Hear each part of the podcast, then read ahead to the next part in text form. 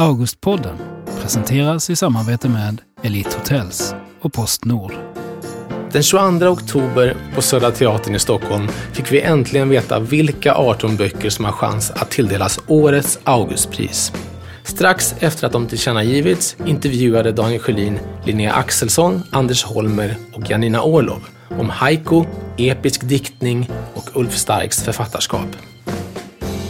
Välkommen först Janina Orlov. Eh, du var gift med Ulf Stark som gick bort i fjol. Eh, saknad av väldigt, av väldigt många i litteratursverige. Vi är jätteglada att du är här i hans ställe. Eh, han skrev boken Rymlingarna och, som Kitty Krauter har illustrerat. Mm. Vad, är det ett, ett slumpmässigt samarbete mellan de två? Eller hur, nej, hur gick det till? Nej, det är absolut inte slumpmässigt utan Ulf ville att hon skulle göra det. De lärde känna varandra 2010 i Belgrad på en litteraturfestival eh, och hade kontakt efter det. Och det var, ett, det var Ulfs uttryckliga önskan att Kitty skulle göra bilderna till den här boken. Vad var det han... Eh, Varför? Ja. det borde vi fråga honom faktiskt. Men var det personkemin mellan dem? Det eller var, var personkemin genom dem, absolut. Allt det Allt, förstås. Ja. Och sen, ja, det, det, är klart. Det var ett, liksom ett självklart val. Titeln var däremot inte så självklar, men det är en annan historia. Aha, ja. men den, den, tar vi gärna. Den heter Rymlingarna nu. Har den hetat jo. något? Va? Nej, det, alltså, ja. Arbetsnamnet från början var Lögnernas mästare. För mm. Ulf var väldigt fascinerad av lögnen som fenomen och vad, man kan, vad lögnen innehåller. Att det finns sanning i varje lögn. Mm. Sen hette den Lingonsylten under ett tag och sen att det är, eftersom det handlar om lingonsylt väldigt mycket i den. Eh, sen hette den ju faktiskt också man måste tänka på allt. Därför att mm. det finns ju den här killen Adam i boken mm. som säger det. Eller det upprepas det som ett mantra. Men så blev det Rymlingarna. Mm. Vilket ju, jag tycker att det är jättefint. Mm. Men berätta, vilka är rymlingarna i den här boken? Det är Adam? det är, det är Lill-Gottfrid som är, och Lill-Gottfrids farfar Gottfrid och det här är ju en far och son historia eller en son och far och farfar historia. Och sen har vi den här ängeln eller hjälparen Adam som ju heter någonting annat egentligen som är bagare. Och rymlingar, det är väl egentligen, då är vi inne på det här igen med, med liksom vad som är sant och vad som är falskt. För det är väldigt svårt och subtilt. Eh, och egentligen så är det här ju en kärleksyttring från barnbarnet till farfar att liksom ta ut honom en sista gång till det ställe där farfar vill vara, i skärgården ute på Möja. För nu är han ins, liksom, Ja, han är sjuk eh, och han är kolerisk och han vantrivs på sin vårdanstalt. Mm. Så Lill-Gottfrid, alltså de heter ju båda Gottfrid och Ulf hette faktiskt Gottfrid i andra namn. Och farfar hette Gottfrid också. Jaha. Så att, att Lill-Gottfrid befriar med hjälp av Adam Stor-Gottfrid och så åker man ut till Möja en sista gång. Mm. Det är väldigt, väldigt mycket laddning i det här. Mm. Och jag kan ju också säga det att, att nu att läsa den i efterhand med tanke på allt som hände så läser, man, läser jag den på ett annat sätt än medan han satt och skrev den. Hur då? Berätta. No, därför att eh, det är ju som om han förebådade sin egen bortgång på sitt sätt, tycker jag, i den här. För det finns så mycket reflektioner kring, kring livet och döden och vad händer sen. Och vi brukar prata om det här också, att, att hur är det när man, om man kommer till himlen hur är det då? Och får man bestämma vilken ålder man är och var man är och så vidare. Det finns mycket att Ja, får man på. pengar att köpa lösgodis för? Till exempel. Ja. Ja, visst är min hund där och så vidare. Ja. Eh, eh, välkommen Linnea Axelsson. Tack. Eh, född i Porjus i Jokkmokk kommun. Ligger det, eh, debuterade 2010 med romanen Tvillingsmycket och nu Ja, nu jädrar i min låda alltså. Det, det, är ju, det är ju liksom nästan 800 sidor långt epos det här.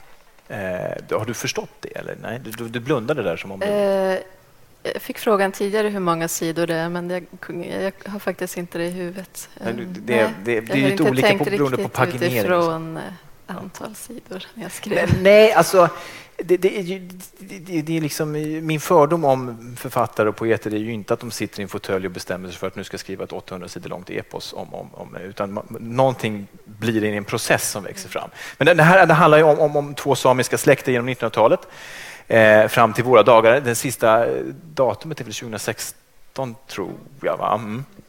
Eh, Ednan eh, heter den, som betyder marken och jorden på gammal nordsamiska. Eh, och vi möter Ristin, eh, ja, Sandra och Nila, några av dem. Kan du presentera några av dem, vilka de är? Eh, jag kan till exempel nämna en kvinna som heter Lise. Som är, boken har tre delar och hon tar, får stort utrymme framförallt i andra delen av boken. Och hon, hon är same men gifte sig med en svensk man som arbetar på Vattenfall i Porjus. Så hon, hon har väl liksom... Hon är med om någon slags skift, liksom ett stort steg in i det svenska och liksom kanske ifrån det samiska. Och boken handlar ju mycket om just den typen av transformation av en människa. Liksom att man är i en kultur men också färdas in i en annan kultur. Och kanske tvingas in i och så vidare.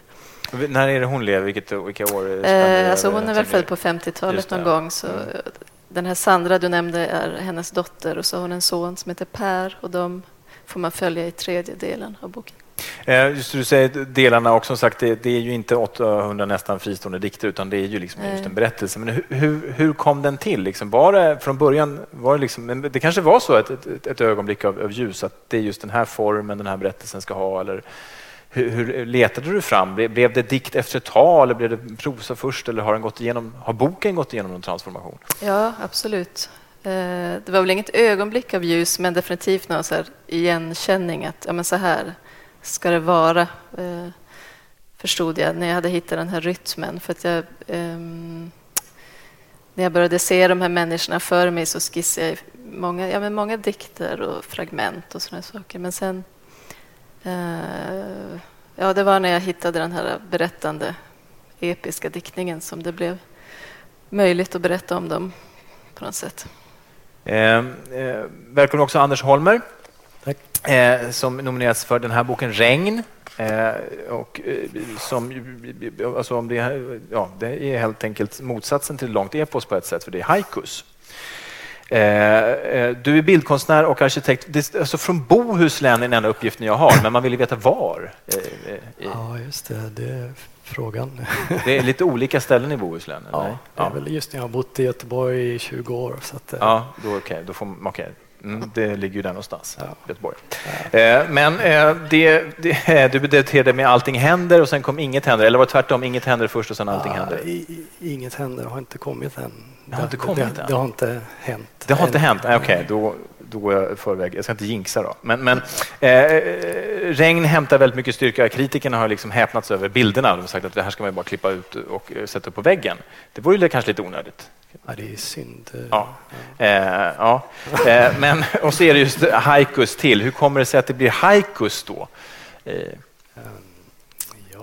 Ja, jag är inte så bra på att skriva så att det var, låg nära till hands att skriva kort. Den, den, den är det en förlåtande diktform tycker du i den verkelsen? Eller? Ja. ja, ja. Eh, men det kanske viktigare är väl kanske då, eller viktigare, men, men minst lika viktigt är ju regnet i den. För det, det, här, det regnar ju och snöblandat och lite dura. Det finns massa konstiga ord. Som man, alltså, det finns många ord för regn det är liksom på olika platser i världen. Ja. Eh, vad, vad, är det som är med grejen med regn för dig? I det här fallet? är väl att det transformerar någonting. Det är ett liksom övergång mellan olika tillstånd. Så, eh, varje uppslag handlar om ögonblick då, på olika platser och eh, att de förändras. Då, mm, det liksom skär, inskärper just, just ögonblicket, mm. kanske detaljen i, ja. i rummet. Ja. Ja. Eh, jag, jag provade nämligen att bläddra och tänka bort regnet. Det ah. vart inte lika bra bilder. Nej, det blir... Nej. Nej, men, det, nej, men någonting är det som gör att den just ramar in kanske eh, världen. Mm. Ehm, eh, jag undrar, liksom, försöka jag tänker, vi har ju två poeter här då eh, faktiskt. Eh, Linnea Axelsson, när du till exempel beskriver ett, eh, ett ansikte som en, en uthamrad skål, tror jag kommer ihåg, kommer att dyka upp nu. Det, det, det, har du koll på att du gör? Hoppas jag mm. har koll på hela eposet. Mm. Ja. Eh, eh, vad, vad, det är en fantastisk bild. Liksom. Hur, om vi ska prata om bilder liksom för ett tag. Eh, vad, hur vet man att man är på väg mot en bra bild som konstnär? Är det en metaforisk bild eller en riktig bild? Alltså, Droppar de in på en gång? Kommer de eftersom? Eller är det, krävs det ett uthamrande? Jag ställer frågan till, till er båda. Men framförallt. Uh, jag kommer inte på något svar som är ärligt därför att det är liksom så uh, dunkelt. Men ett oärligt svar då? Man gör. Ja, men, uh, då kan jag säga att, att, att jag liksom Ja, men det, är att man, man, det är ett sökande och att det ska kännas också... Jag tycker att det ska kännas... Att det ska finnas en logik på något sätt. Ja, jag känner att det ska stämma logiskt. Jag har svårt för till exempel eh, metaf- nu kommer jag inte på något exempel, men metaforer där man känner att det inte är logiskt eller att det bara är liksom eh, blommigt på något sätt, att det inte stämmer enligt min personliga logik. Men, så det, det, är väl liksom något sånt här inre intuitivt regelverk som jag följer. Liksom. Mm. Eh, Janina Orlov, jag tänker mm. du är också översättare själv eh, från finska och ryska. Ja, stämmer. Eh, om du skulle ge en, en stilistisk blick på Ulf Starks språk och stil, vad, vad, vad skulle du säga? Kan man känna, ge något kännetecken? Eh, jo, jag tror att han trots den synbara enkelheten i språket så är han väldigt svåröversatt och det har jag hört översättare runt om i världen mm. säga. Varför då? Därför att det är så laddat. Därför att betydelsen finns mellan raderna eller mellan orden. Så att det tror jag. Så att, eh, sen är jag ju jävig. Jag älskar ju hans språk, men det är en annan historia. Eh, hörni, eh, Eh, tack så jättemycket. Nej, vi, vi, vi, nu tittar jag fel på klockan. Vad skönt, för då har jag flera frågor här på gång. Eh, jag har faktiskt en fråga som har dykt upp här under kvällen. Vi hade ju, eh, eh Lars Thunbjörk-boken uppe här eh, tidigare med folk, folkhemsbilderna. Liksom. Också, vi pratade om, Alexandra Pascalidou nämnde, vi pratade också om folkhemmet då, det här Sverigebygget och liksom, det fanns mycket sorg och produktioner och sånt där kring det där. Eh, jag tänker liksom, när, det är någonting där med att när, när Linnea Axelsson, när svensken kommer ju och tar, bygger kraftverk helt enkelt. Det är ju försörjningen av, vårt, av folkhemmet. Liksom. Eh, vad, med, med perspektivet med dina gestalter där, hur, hur, skulle de, vad är folkhem? Vad är det som begrepp? Det är ett laddat begrepp för många på olika sätt. Vad, vad är det ur, ett, ur, ur dina rollfigurers mm. perspektiv? Eh, men för dem är det väl ja, men en yttre kraft som kommer och, och omvandlar det samiska samhället som de har byggt upp och eh, nonchalerar det och liksom eh, ja, och att man får inlemmas i, i folkhemmet på, på eh, svenskarnas villkor, så att säga. Eh, så för dem har det innebär det ju förluster samtidigt som eh, det är något tillfälle där den här Lise tänker på sin mamma, att hon var den första kvinnan i släkten som födde i skydd av västerländsk sjukvård. Så att naturligtvis så har de, fick ju de människorna liksom också ta del av fina saker med. Det är mycket som vi kan tipsa om att läsa de här böckerna i alla fall.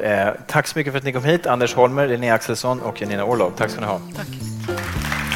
Augustpodden presenteras i samarbete med Elite Hotels och Postnord.